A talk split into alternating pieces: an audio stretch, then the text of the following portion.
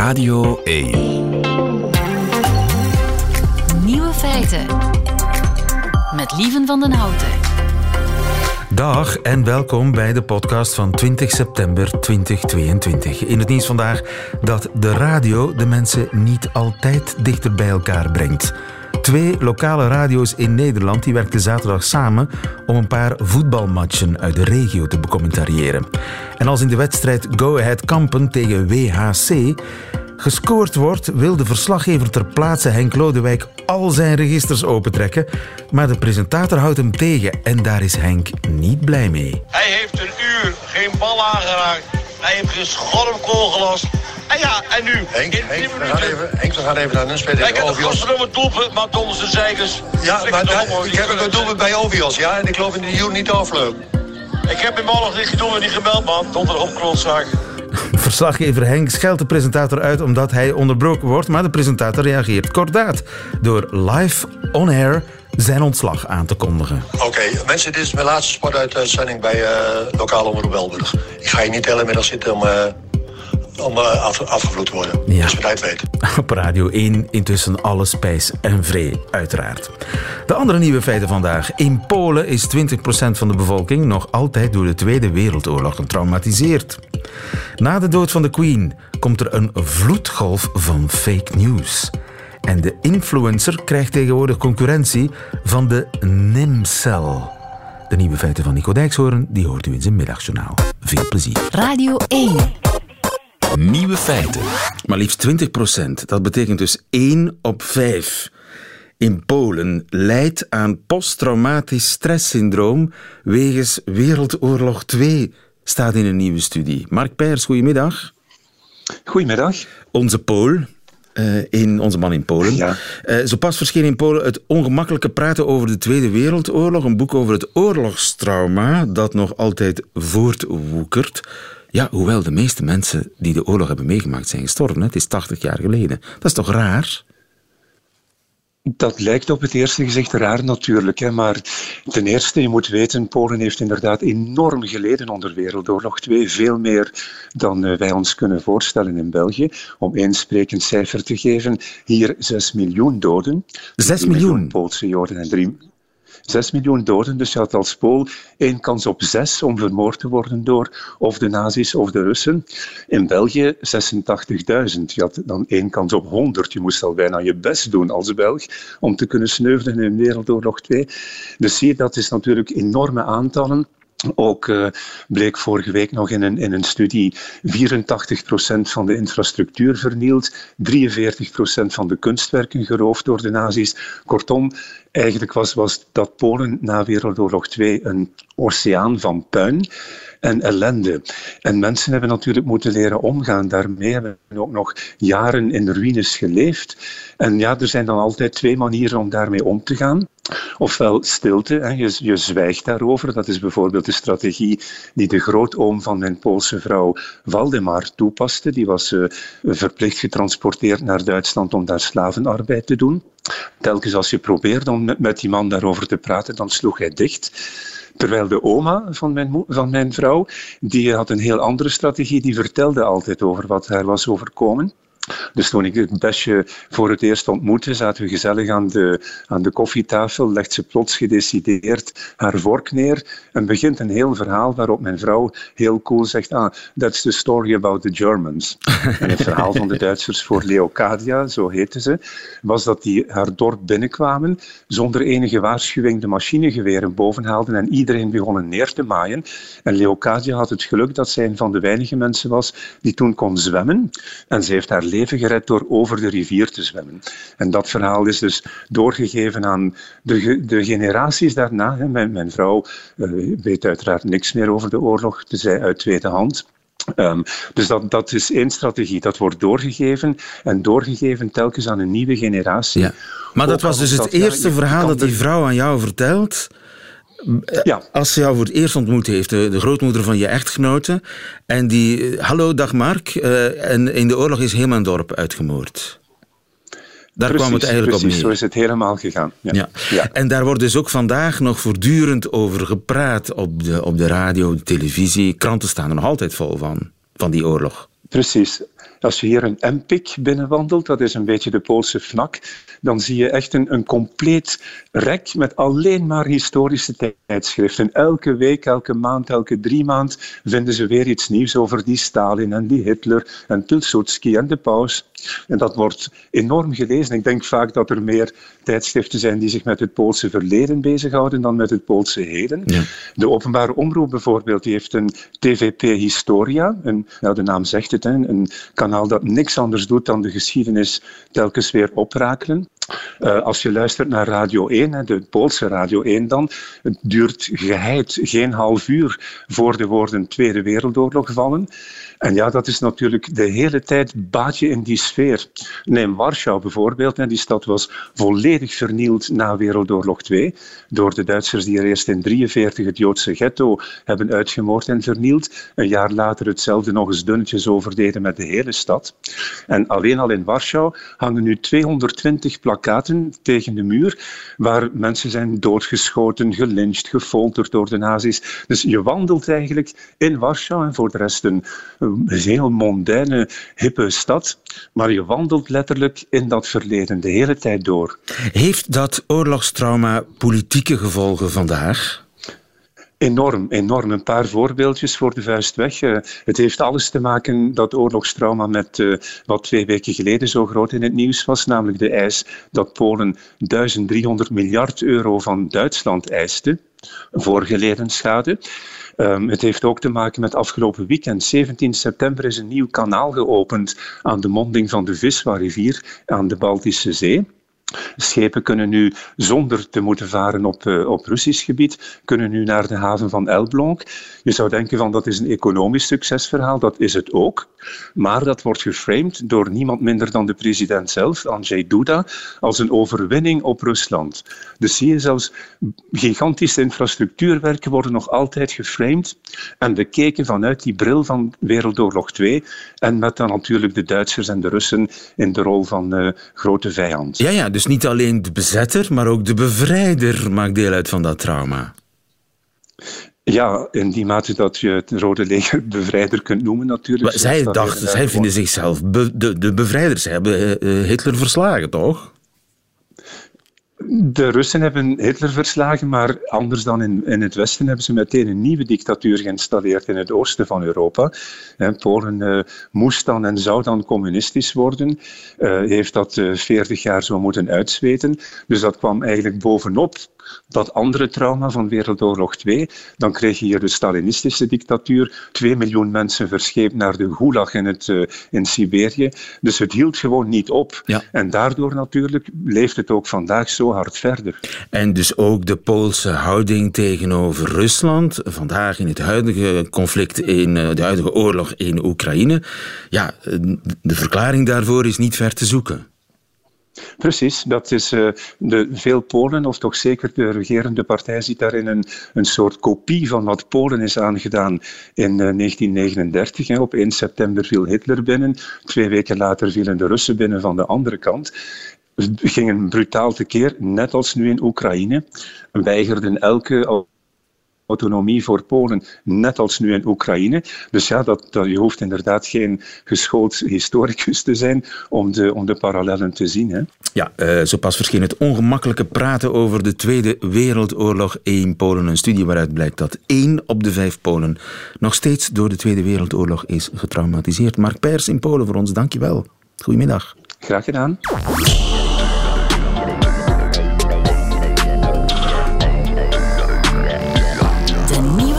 Feitenchecker.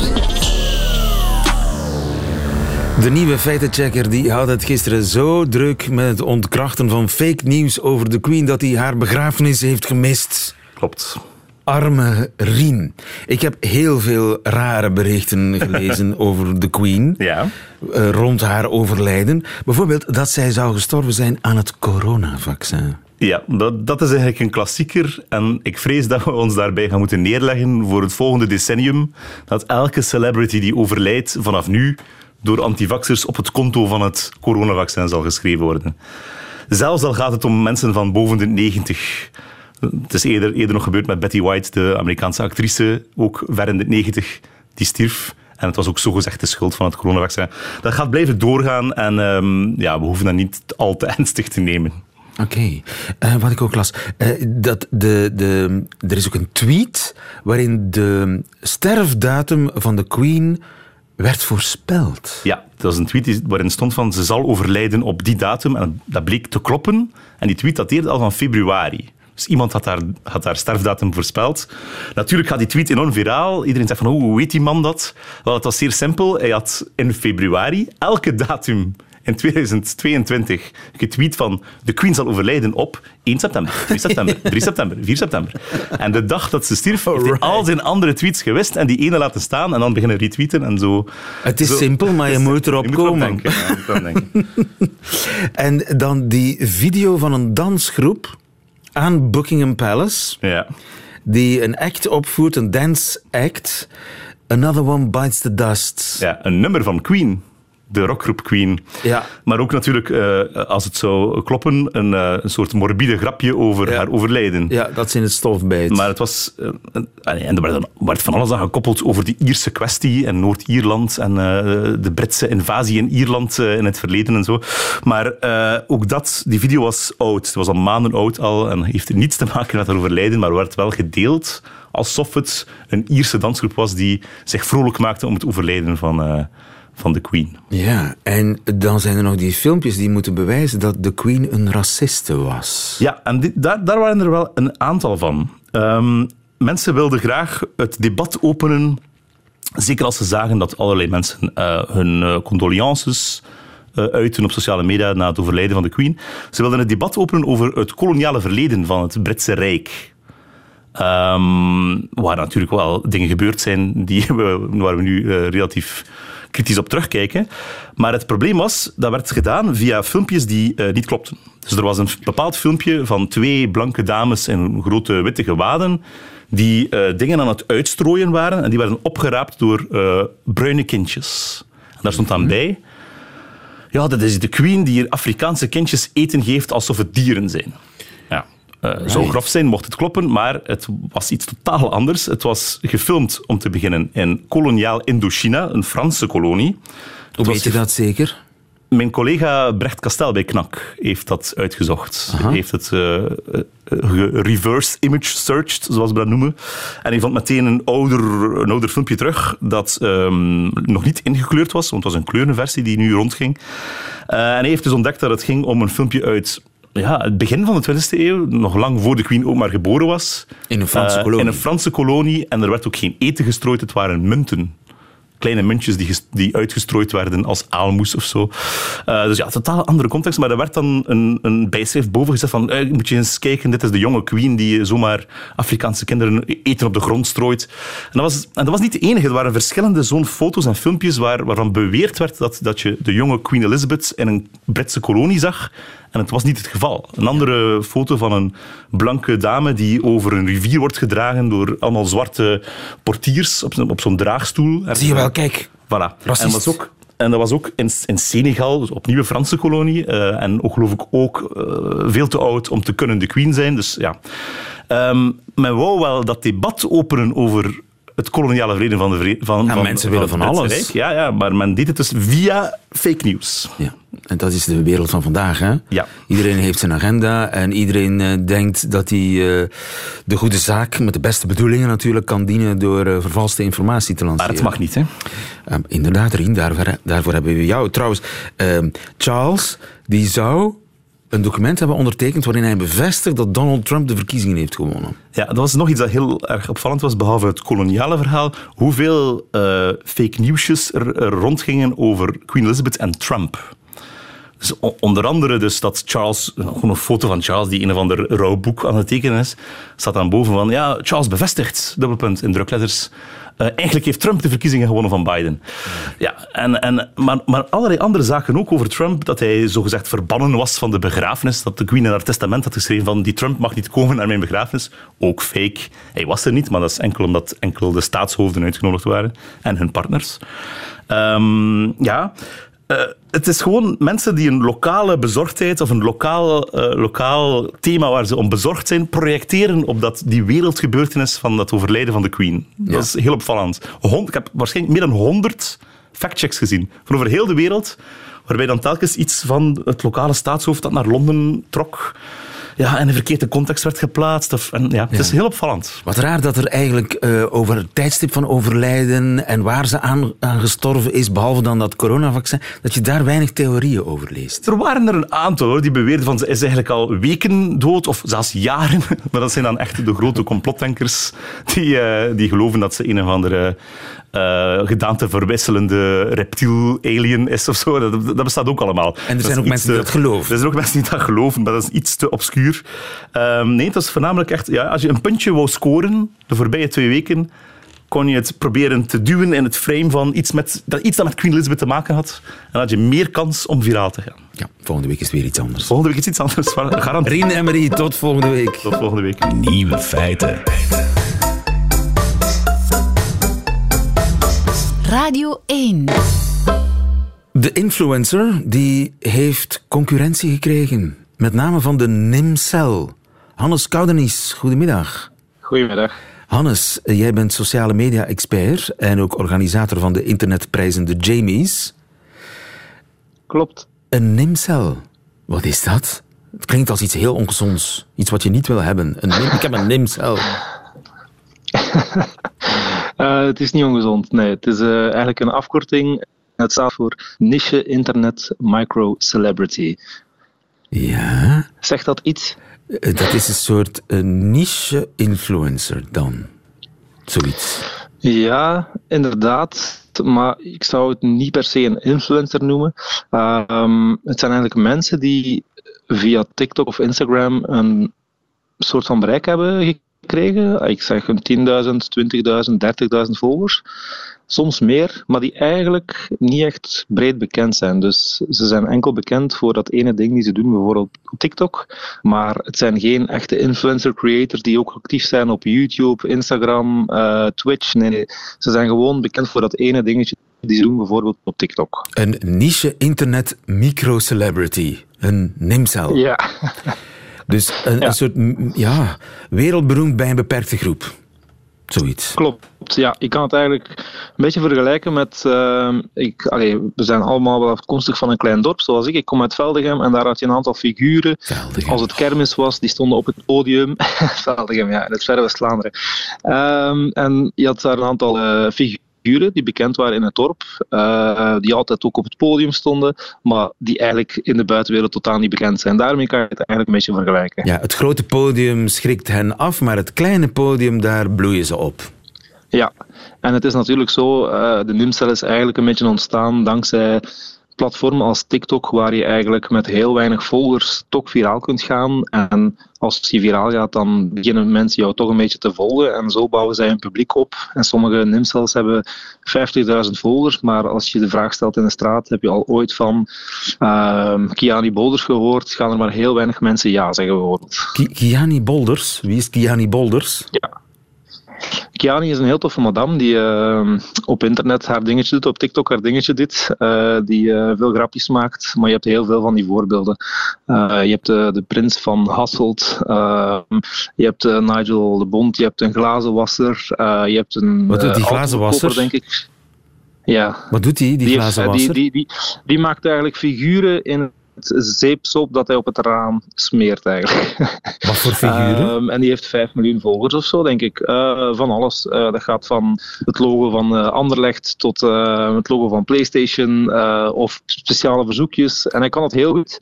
En heeft daar 5 miljoen volgers mee ehm, verzameld. Maar eigenlijk.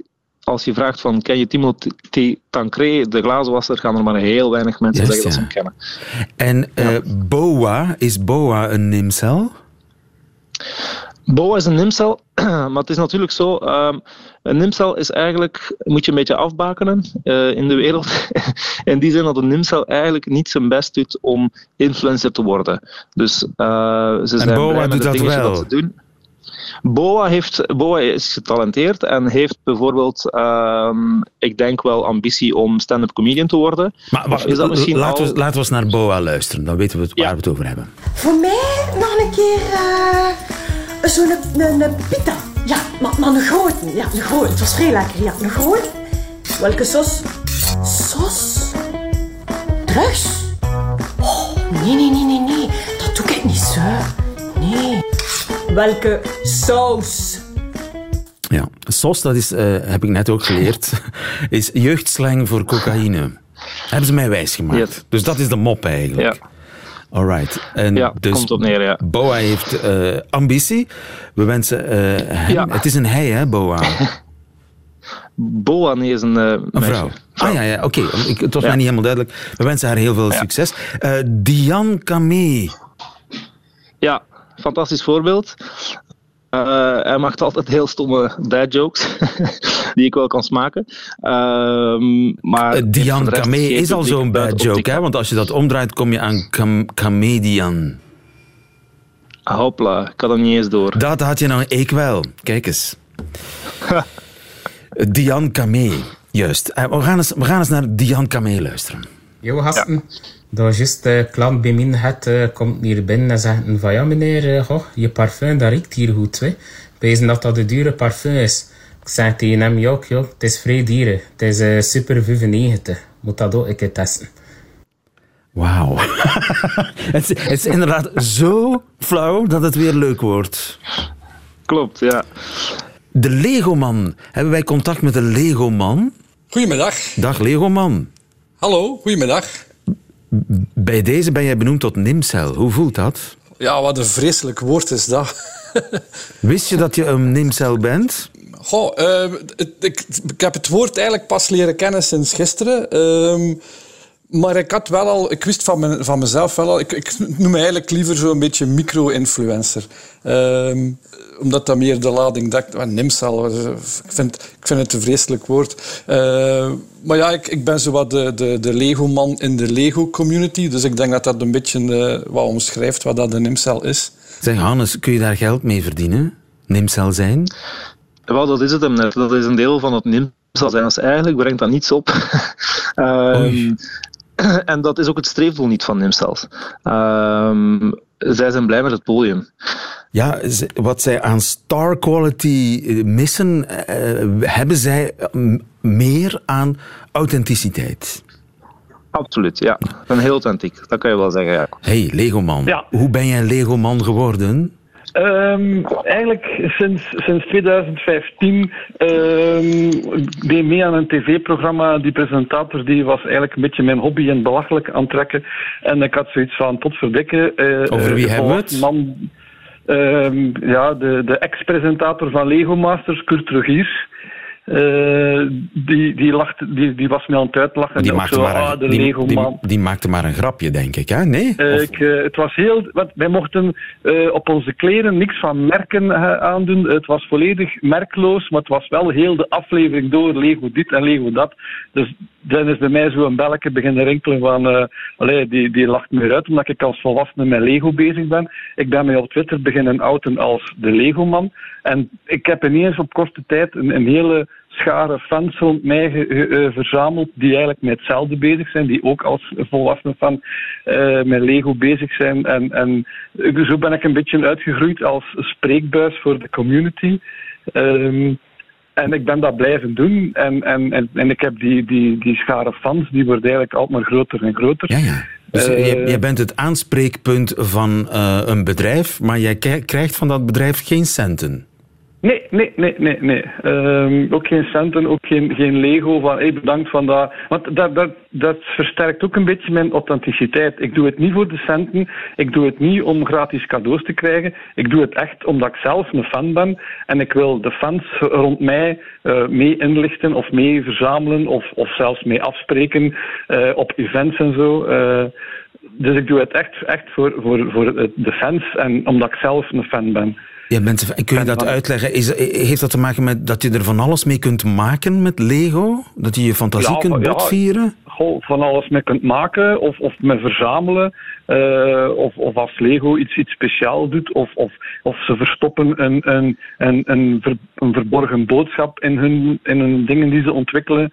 ehm, breng ik die boodschap naar buiten. Hey, van kijk, heb je dat gezien, dat ze hier gedaan hebben? Eh, en, en dat wordt wel geapprecieerd en dat wordt wel eh, gedeeld. En ook een heel, een heel mooie anekdote eh, is, ehm, ik heb een, eh, op de Maker van Henk Rijkaard een, een spreekbeurt mogen geven eh, over het 90 jaar Lego. En eh, na mijn spreekbeurt sta ik nog wat met Henk Rijkaard te babbelen, want we waren, had hij het einde nog niet gezien. En dan komt er, eh, op een gegeven moment komt er een meisje naar ons en die vraagt dan, meneer, mag ik een foto maken alsjeblieft? En Henk Rijkaard, ja, ja, ja, natuurlijk, doe maar. En, en staat er zo'n meneer op de achtergrond, de papa van dat meisje zei, maar nee, het is eigenlijk met die andere meneer dat we een foto willen. Ehm, dus, dus wat dat op wijst van ja, ik heb fans, ik heb mensen die mij volgen. Eh, achteraf heb ik dan nog berichtjes gekregen dat er zelfs mensen vanuit Nederland speciaal naar hier gekomen waren om, om mij bezig te zien. Ehm, dus ik heb wel mijn, mijn community rond mij. Maar ja, volledig vrijblijvend en, en vrij gewoon uit, uit passie voor het merk, uit passie voor het product. Ja, ik geloof dat wij de archetypische Nimcel gevonden hebben. eh, waarvoor van harte gefeliciteerd. Hoeveel volgers heb je? Eh, ik heb 5000 volgers op Twitter. Ehm, omdat ik, eh, mijn- toen ik de 5000ste volger had, had ik een, een weggeefactie eh, georganiseerd en heb ik Lego weggegeven. Oké. Eh, daarom dat ik het weet dat ik er 5000 heb. En dat zijn allemaal Nederlandstaligen? Of jij, jij gaat Ik internationaal? ook, nee, ik heb, ik heb ook, er zijn ook uit het buitenland mensen die mij volgen. Er zijn ook YouTube, Lego-YouTubers die, die mij volgen. Ehm, mensen die in Amerika actief Ik heb zelfs, er zijn mensen die bij Lego werken die, die mij volgen op Twitter. Eh, dus ik heb uit alle lagen van de bevolking, uit alle landen van de wereld, heb ik wel mensen die mij, die mij volgen of die mij contacteren, die mij berichtjes sturen. Eh, mensen uit het Vlaams parlement die mij een berichtje sturen via Twitter van ah, ik ben op zoek naar die doos, waar kan ik die vinden? Eh, dus ik heb uit alle lagen van de Ja, bevolking... Eh, Lego-fans zitten overal, zelfs in het Vlaamse Ja, parlement. Hannes uh, ook bedankt voor dit gesprek. En Lego-man, jij ook bedankt. Goedemiddag. Ja, graag gedaan. Ja, dag. En dat waren ze, de nieuwe feiten van vandaag, 20 september 2022. Alleen nog die van Nico Dijkshoorn krijgt u nu in zijn middagjournaal. Nieuwe feiten. Middagjournaal. Beste luisteraars, u treft mij op een slecht moment. Zojuist bezocht ik mijn huisarts voor een jaarlijkse check-up. Er werden een paar buisjes bloed afgetapt en mijn bloeddruk en lengte werden gemeten. Ik vrees nu dat mijn bloeddruk ernstig is beïnvloed door het inleveren van de urine. Ik had thuis namelijk alleen een leeg flesje fruitsap waar ik het in kon doen. En meteen zag ik de bui hangen. De assistente die ging natuurlijk vragen of ik de urine bij me had. En dan moest ik dat flesje geven en daar stond dan op kruisbessen, frambozen, kiwi. En dan moest ik het daarna natuurlijk in een echt urinebakje overgieten in hun keukentje. En dan wist ik natuurlijk weer niet wat ik met dat lege fruitflesje moest doen, waardoor ik me weer in een soort van overcompensatie krankzinnig zou gaan gedragen, waardoor mijn bloeddruk zou stijgen en daarna kwam ik natuurlijk weer in een Kafkaiaanse zorgmolen terecht. Luisteraars, precies dat gebeurde ook. Maar er was meer. Daarna werd mijn lengte gemeten en dat emotioneerde mij een beetje. Ik was niet meer gemeten sinds ik een poging deed om mij af te laten keuren voor militaire dienst. En alle keren daarvoor was mijn lengte steeds gemeten op de lagere school. Dat waren geen fijne metingen. In een vreemde witte onderbroek met mijn rug tegen een koude muur en dan een koud stuk staal bovenop mijn jongenskruintje. Maar nu mocht ik al mijn kleren aanhouden. De meetmevrouw, die keek en ze zei 1 meter 76. Luisteraars, ik moest mij aan een stoel vasthouden. Mijn hele leven. Het was één grote leugen. Ik heb tot gisteren aan toe mensen verteld dat ik 1 meter 79 lang was. En daarachteraan zei ik altijd vlug eerder 1 meter 80 dan 1 meter 79. Luisteraars, ik ben aan het krimpen. Ik verdwijn weer langzaam richting de aarde.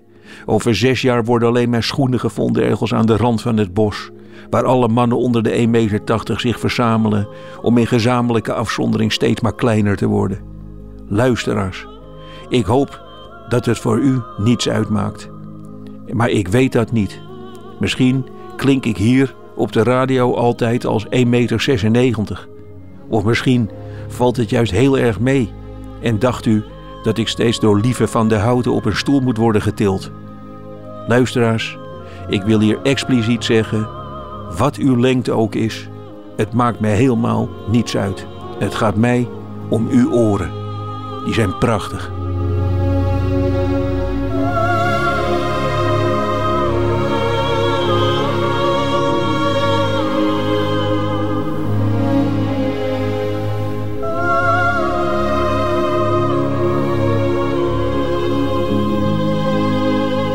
Middagjournaal met Nico Dijkshoorn. Einde van deze podcast. Hoort u liever de volledige uitzending van Nieuwe Feiten? Dat wil zeggen, met de muziek erbij.